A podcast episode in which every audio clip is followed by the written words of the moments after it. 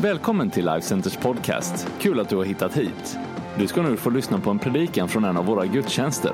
Du är alltid välkommen att besöka Life Center. All information du behöver hittar du på lifecenter.se. Jag tänkte tala till er över ett kort tema här idag. Ett eh, enkelt tema eh, som innehåller så lite så att man inte kan tala så länge över det. Nämligen att följa Jesus. Ah, jag såg att några reagerar. Det är ju världens härligaste, största tema. Som fyller så mycket att jag skulle kunna tala egentligen hur länge som helst om det. Att få följa Jesus. Och eh, att följa Jesus för mig är ju det viktigaste för mig. Eh, det första gången jag upplevde att Gud talade till mig personligen var jag, jag tror jag var 14, jag hade mött Gud. Jag hade upplevt andens dop. Jag hade tagit ett beslut att låta döpa mig för jag visste att Guds ord talade om det. Och jag hade i det sammanhang där jag fanns i den kristna familj jag växte upp i eh, förstått liksom att det här med Jesus det var någonting för alla människor. Jag växte upp i en eh, pastorsfamilj på 70-talet och i början på 70-talet så var det någonting som kännetecknade många kyrkor som kallades för Jesusfolket. Jesusrörelsen, min första bibel, förutom den jag fick då från söndagsskolan, för den, den kom egentligen lite senare. Min första bibel det var en gul pocketbibel.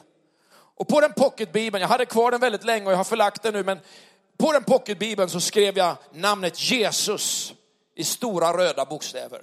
Jag hade sett andra som hade namnet Jesus på sina biblar. Och oftast var de biblarna väldigt stora. De var läder, liksom omslag, gärna liksom med olika tecken, kors och det var änglar och det var duvor och det var mycket helig ande på allting. Och så var det massa bokmärken i konstiga färger och gärna lite makramé och ännu mer läder. Det var mycket läder på den tiden. Kläderna man bar, det var, det var liksom eh, t-shirtar med konstiga batiktryck och det var träskor och utsvängda jeans och det var gärna lite boots också någon gång emellanåt. Och konstiga ringar hade de vet jag, som man ibland kunde plocka sär och lägga ihop där. Och det var en härlig tid att få växa upp i kyrkan det där 70-talet. Det var där liksom man fick tag på det här första begreppet egentligen som var initialbegreppet till en sång som kom för några år sedan som kallas för One Way Jesus. Ofta åtföljt av ett tecken pekandes uppåt så här. One Way Jesus. Den där tiden när jag växte upp i kyrkan var en helt avgörande tid för mig. Och när det i tidiga tonår blev liksom mer allvarligt med min tro så förstod jag att det fanns en kamp om mitt liv. En kamp om den här världen och en kamp om varje människas liv som jag var högst delaktig i. För mig så innebär det oftast att religionslektionen i skolan blev ett tillfälle att stå upp för Jesus. Att stå upp för hela kristenheten. Det kändes ibland som att hela Jesusbudskapet vilade på mina skuldror i den där klassen där jag gick. Många gånger så kändes det också som att omdömet om den där kyrkan jag var med i, Pingstkyrkan, vilade på mina axlar. Att nu skulle de verkligen få se hur bra det var att vara pingstvän. Ser helt chockad ut här. Det var fantastiskt att faktiskt få lära sig vad det innebar att stå för Jesus och att leva för Jesus. Ibland kunde det kosta en och annan kommentar. Men jag märkte att ju mer jag stod för min tro på Jesus Kristus, desto mer respekt fick jag för min tro på Jesus. Och många av mina kompisar följde med till kyrkan. Flera av dem blev frälsta. Och jag, jag berörs fortfarande av de där ögonblicken när jag kunde se en klasskompis komma till kyrkan. Lyfta sin hand. Och jag satt oftast chockad bredvid. För jag trodde liksom att de inte alls var vid den här punkten att de skulle ta ett Jesusbeslut.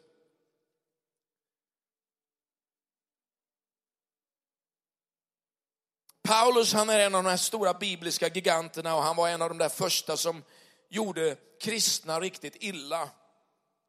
Men han upplevde en verklig livsförvandling i sitt liv. Han trodde att han gjorde rätt och han förföljde de kristna och satte dem i fängelse. Men Gud utvalde honom att bli en apostel.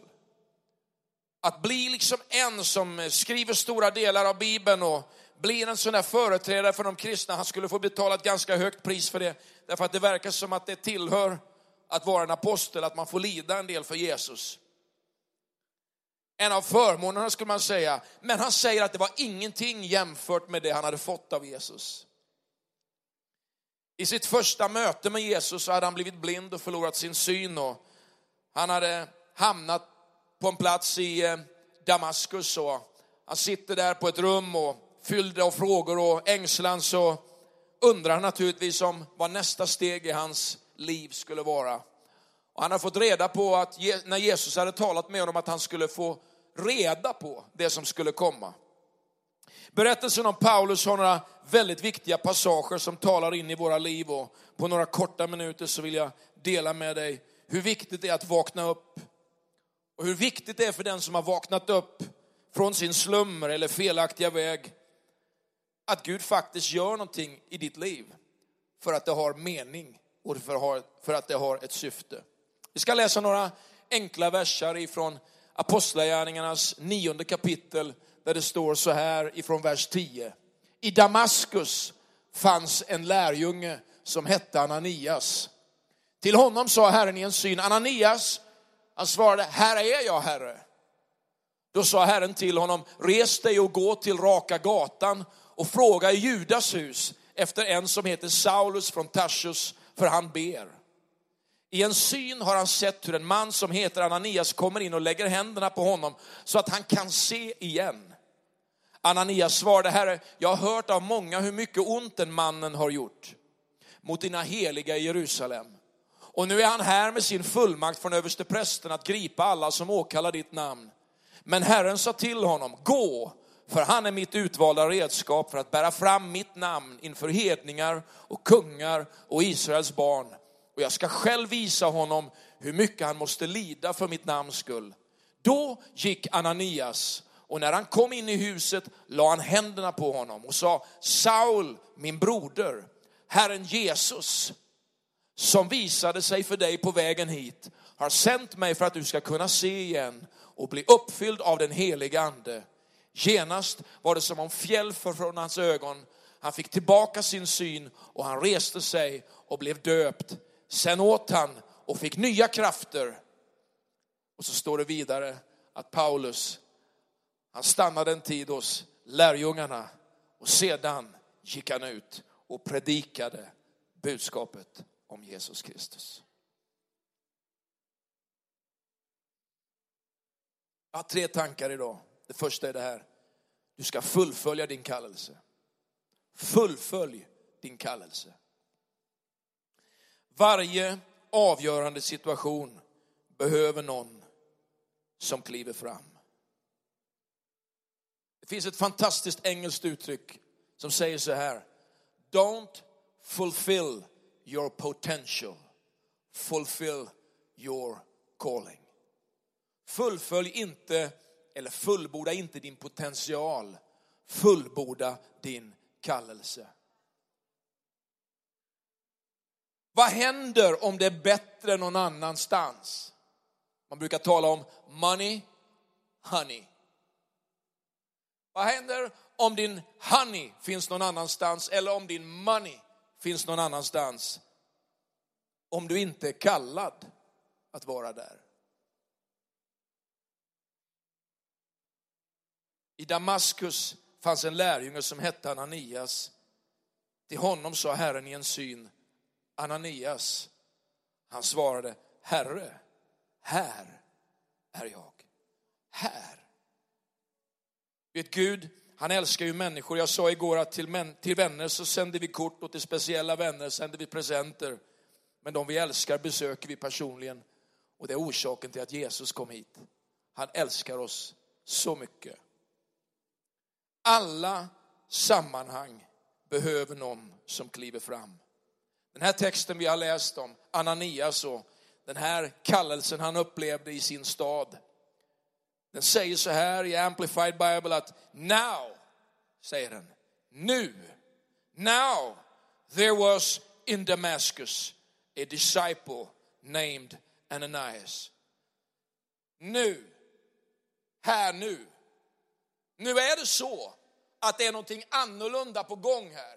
Det finns en situation men det kommer en förändring därför att här finns en lärjunge. Det finns någon som kommer att göra skillnad. Det finns någon som kommer att fullborda sin kallelse.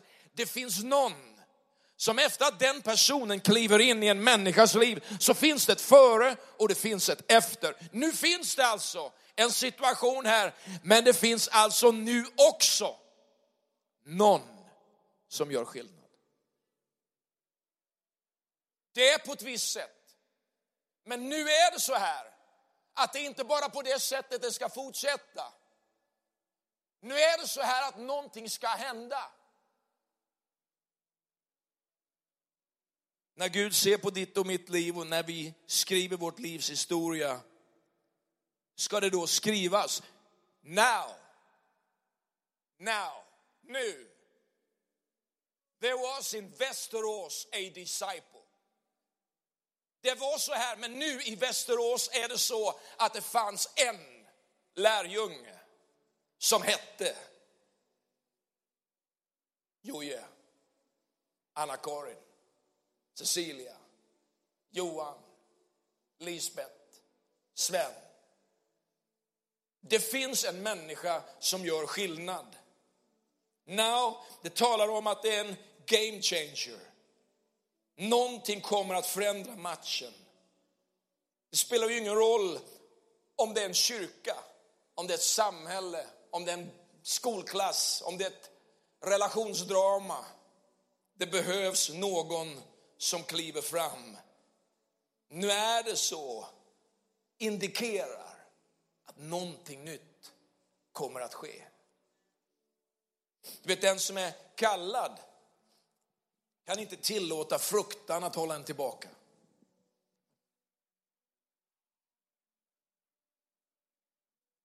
Det finns alltid hinder i våra liv. Det finns alltid låsningar som vill hålla oss tillbaka. Och de flesta låsningar som finns i våra liv finns där på grund av passivitet eller ovilja att förlåta eller fruktan. Ibland är vi bundna av vår historia, saker vi varit med om eller som saker som har skett emot oss. Det som har hänt och vi älskar att kötta ner oss i och att grotta ner oss i våra sår. Men det är just detta som Jesus vill befria oss ifrån.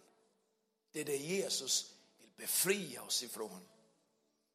Du vet när Gud kallar oss, dig och mig, så får låsningarna ett svar. Men behoven får också ett svar. Här är jag, sänd mig. Det är en dubbel välsignelse. Både jag blir fri att gå och den jag möter blir fri att gå.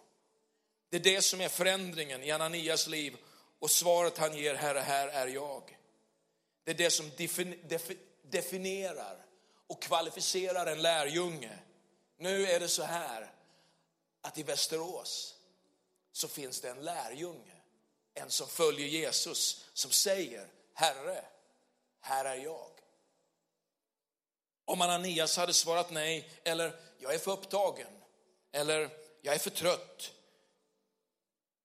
eller jag är för besviken, så hade ju inte den här storyn haft samma värde. Kanske hade den varit med. Jag vet inte. Men jag tror också att det hade funnits en annan mening som hade kommit. Då gick Gud vidare och frågade en annan. Tack Jesus för varje människa som säger Herre, här är jag. Jag tänker också på, för andra idag, makten i att få lägga sina händer på någon. Det står i vers 17 här i Apostlagärningarna 9 att då gick Ananias och när han kom in i huset la han händerna på honom och sa Saul, min bror. Herren Jesus som visade sig för dig på vägen har sänt mig för att du ska kunna se igen och bli uppfylld av helig ande. Jag tycker han har sådana sköna personlighetsdrag, karaktärsdrag det här Ananias. Han är målmedveten. Vet när Jesus har talat med honom, han fått se den här synen, han fått uppleva ett gudstilltal. Då står det, då gick han. Jag tycker det är så skönt. Det är inte så många, många liksom kapitel eller eh, versar skrivna, liksom det är inte ens ett ord emellan. Då gick han. Jag vet inte hur du har det, men ibland argumenterar jag kanske lite med Gud också. Men det här är målet i mitt liv. Då gick han. Han tvekar inte när han hamnar i ett skarpt läge. Inte ens när han kommer till honom. Han möter en blind Paulus och han går in i, eller som Saul som han hette på den tiden, han kommer in till honom och så lägger han händerna. Det, det står ingenting om någon konversation före, får jag be för dig? Eller hur? Va? Då lägger han händerna på honom, han kommer till honom, lägger händerna på honom och så talar han till honom. Han är inkluderande. Saul, min broder. Min broder. Det finns liksom inget vi och ni i Guds församling, det finns bara vi. Och kanske skulle vi se våran värld på samma sätt. Det finns inte vi här inne, de där ute. Det finns vi i den här världen. Och låta människor få uppleva att vi är samma som ni. Det är bara det att vi har mött Jesus Kristus till ett förvandlat liv. Att inte vi själva, när vi säger så många gånger att vi ska riva trösklarna och försöka liksom ta bort trösklarna för att människor ska komma in, så talar vi ändå ibland om vi och ni. Vi och dem. Vadå vi och dem? Vi är ju alla dem. Vi är ju alla dem. Det som är den stora skillnaden, det är att vi fick tag på Guds kärlek. Jag ser att han litar på Gud och han är fylld av tro. Gud har talat och det är det han agerar på. Han gör någonting med det han har fått. Det är egentligen två saker han är där för. Han är där för att lägga sina händer på Paulus så att han blir, för det första, helad. Och det andra är fylld av heligande. Det står i texten här. Saul min broder, Herren Jesus som visade sig för dig på vägen har sänt mig. Ett, för att du ska kunna se igen. Två, för att du ska kunna bli uppfylld av heligande. Han har liksom inte en lång där lista över allt han ska lära sig innan han får ta emot någonting från Gud. Mirakel och fylld av kraft i den helige Ande. Tänk om vi kunde sluta komplicera det här så mycket. Tänk om människor kunde få uppleva Jesus miraklet det första, det andra uppleva Guds kraft in i sitt liv. Det finns en sån mäktig kraft i den helige Ande. Gud själv. Gud själv. Gud själv som i skapelsens begynnelse svävar över djupen. När Gud säger var det ljus så agerar ordet Jesus Kristus i det att makten förlöses och världen skapas. Samma kraft bor i den som tror. I mitt namn skall ni, ett ord från himlen, ett ord i dig. När Jesus säger, jag går nu till Fadern men jag ska sända en annan hjälpare, den helige Ande, som ska lära er allt och påminna er om allt. Jag ska aldrig lämna er, jag ska aldrig överge er. Han ska vara i er, han ska alltid måla mig för er. Han ska alltid påminna er om allt jag sagt. Han ska aldrig lämna er, han ska guida er. Han ska vara hos er och han ska fylla er. Den helige ande på pingstdagen kommer in, blåser rent i huset. Det kommer en stormvind, bara rensar huset och alla blir fyllda av helig ande talar i nya tungor, frimodigheten kommer, man går ut, man har varit livrädd, man har varit inne bakom låsta dörrar, men man blir frimodig och man börjar predika att Jesus Kristus, han är Herre. Jesus, han har uppstått. Mina vänner, vad är skillnaden i det vi ser i Västerås och det vi vill se? Vad är förändringens kraft? Vad är game changer? Guds kraft i ditt liv. Guds frimodighet i ditt och mitt liv.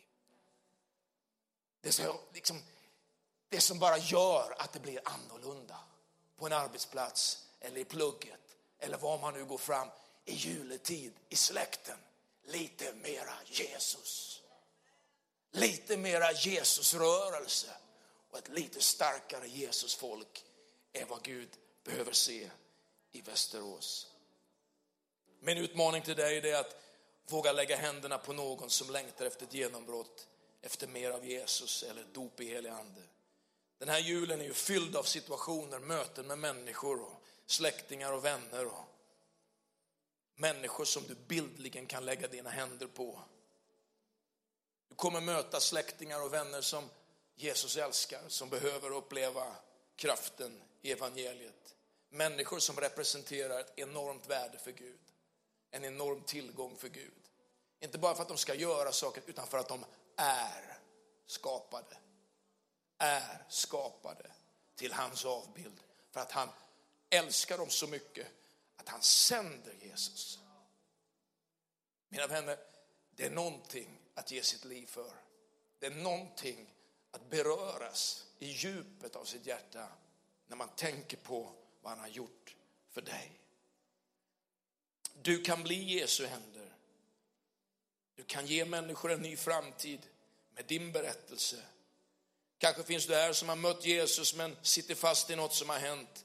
Kanske är du medveten om att Jesus har talat till dig men du är fortfarande blind och du kan inte se vad din framtid är.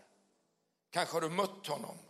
Kanske finns det en kallelse på ditt liv men du är kraftlös och kan inte se klart.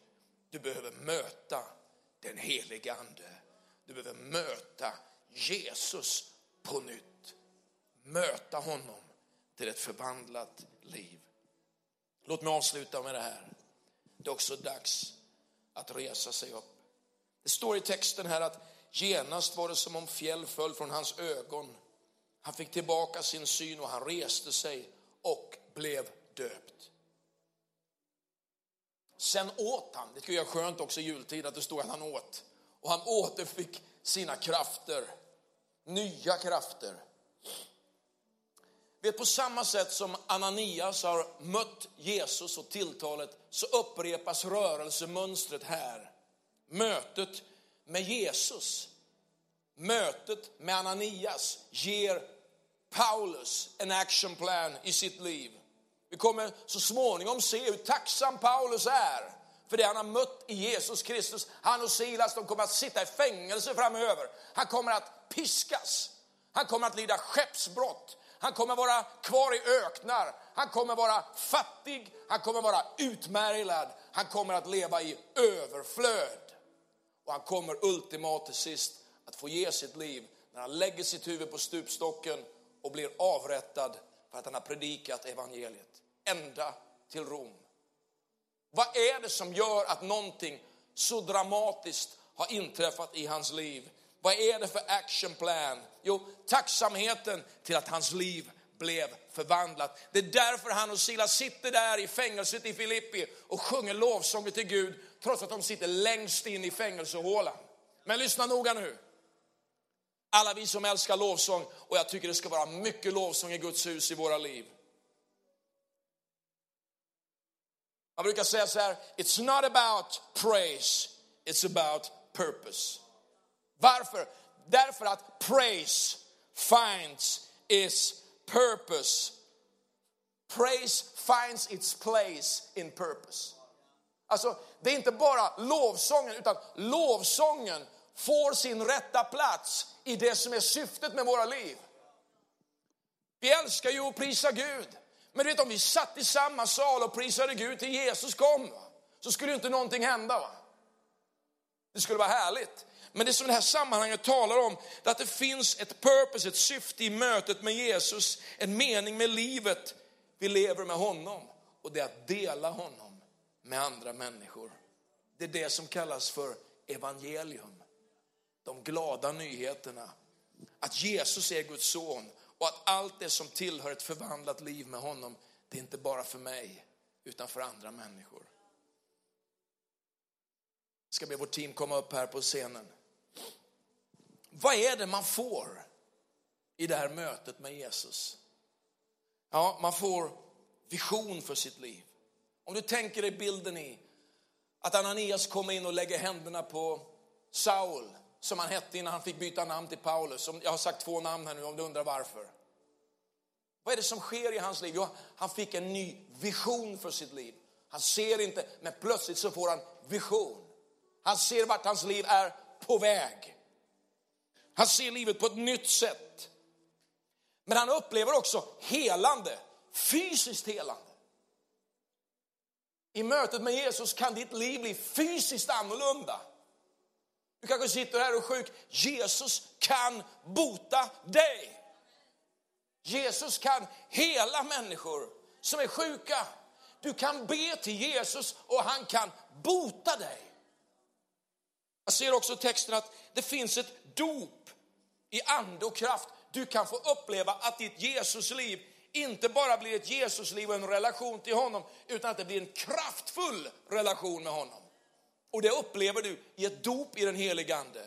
Kanske kommer du från en annan kyrkotradition där du erkänner den helige Ande som kraften, som den som liksom förmedlar frälsningen. Men du kan bli uppfylld av detta genomsyrade liv i den helige Ande som gör att det bubblar över. Du får också kraft att resa dig upp. Ibland tror en del människor att det här livet tillsammans i kyrkan är någon form av sekteristiskt liv där vi stänger in oss liksom i någon liten låda på Brandtovlagatan 1. Men det är inget sekteristiskt litet liv som vi kallar det till, utan det är ett expansivt liv som vi kallar det till. Du får också ett beslut att låta världen och himlen se dig med nya ögon. Paulus lät döpa sig, avskild för ett nytt liv, begravd det gamla livet och ett nytt liv hade kommit. Du får gemenskap och mandat. Han stannade hos de andra troende. Han fick det som kallas för next steps, de första stegen i sitt nya liv. Han fick också ett livsuppdrag. Han började genast och predika och berätta om Jesus för andra. Amen. Ska vi ställa oss upp allesammans?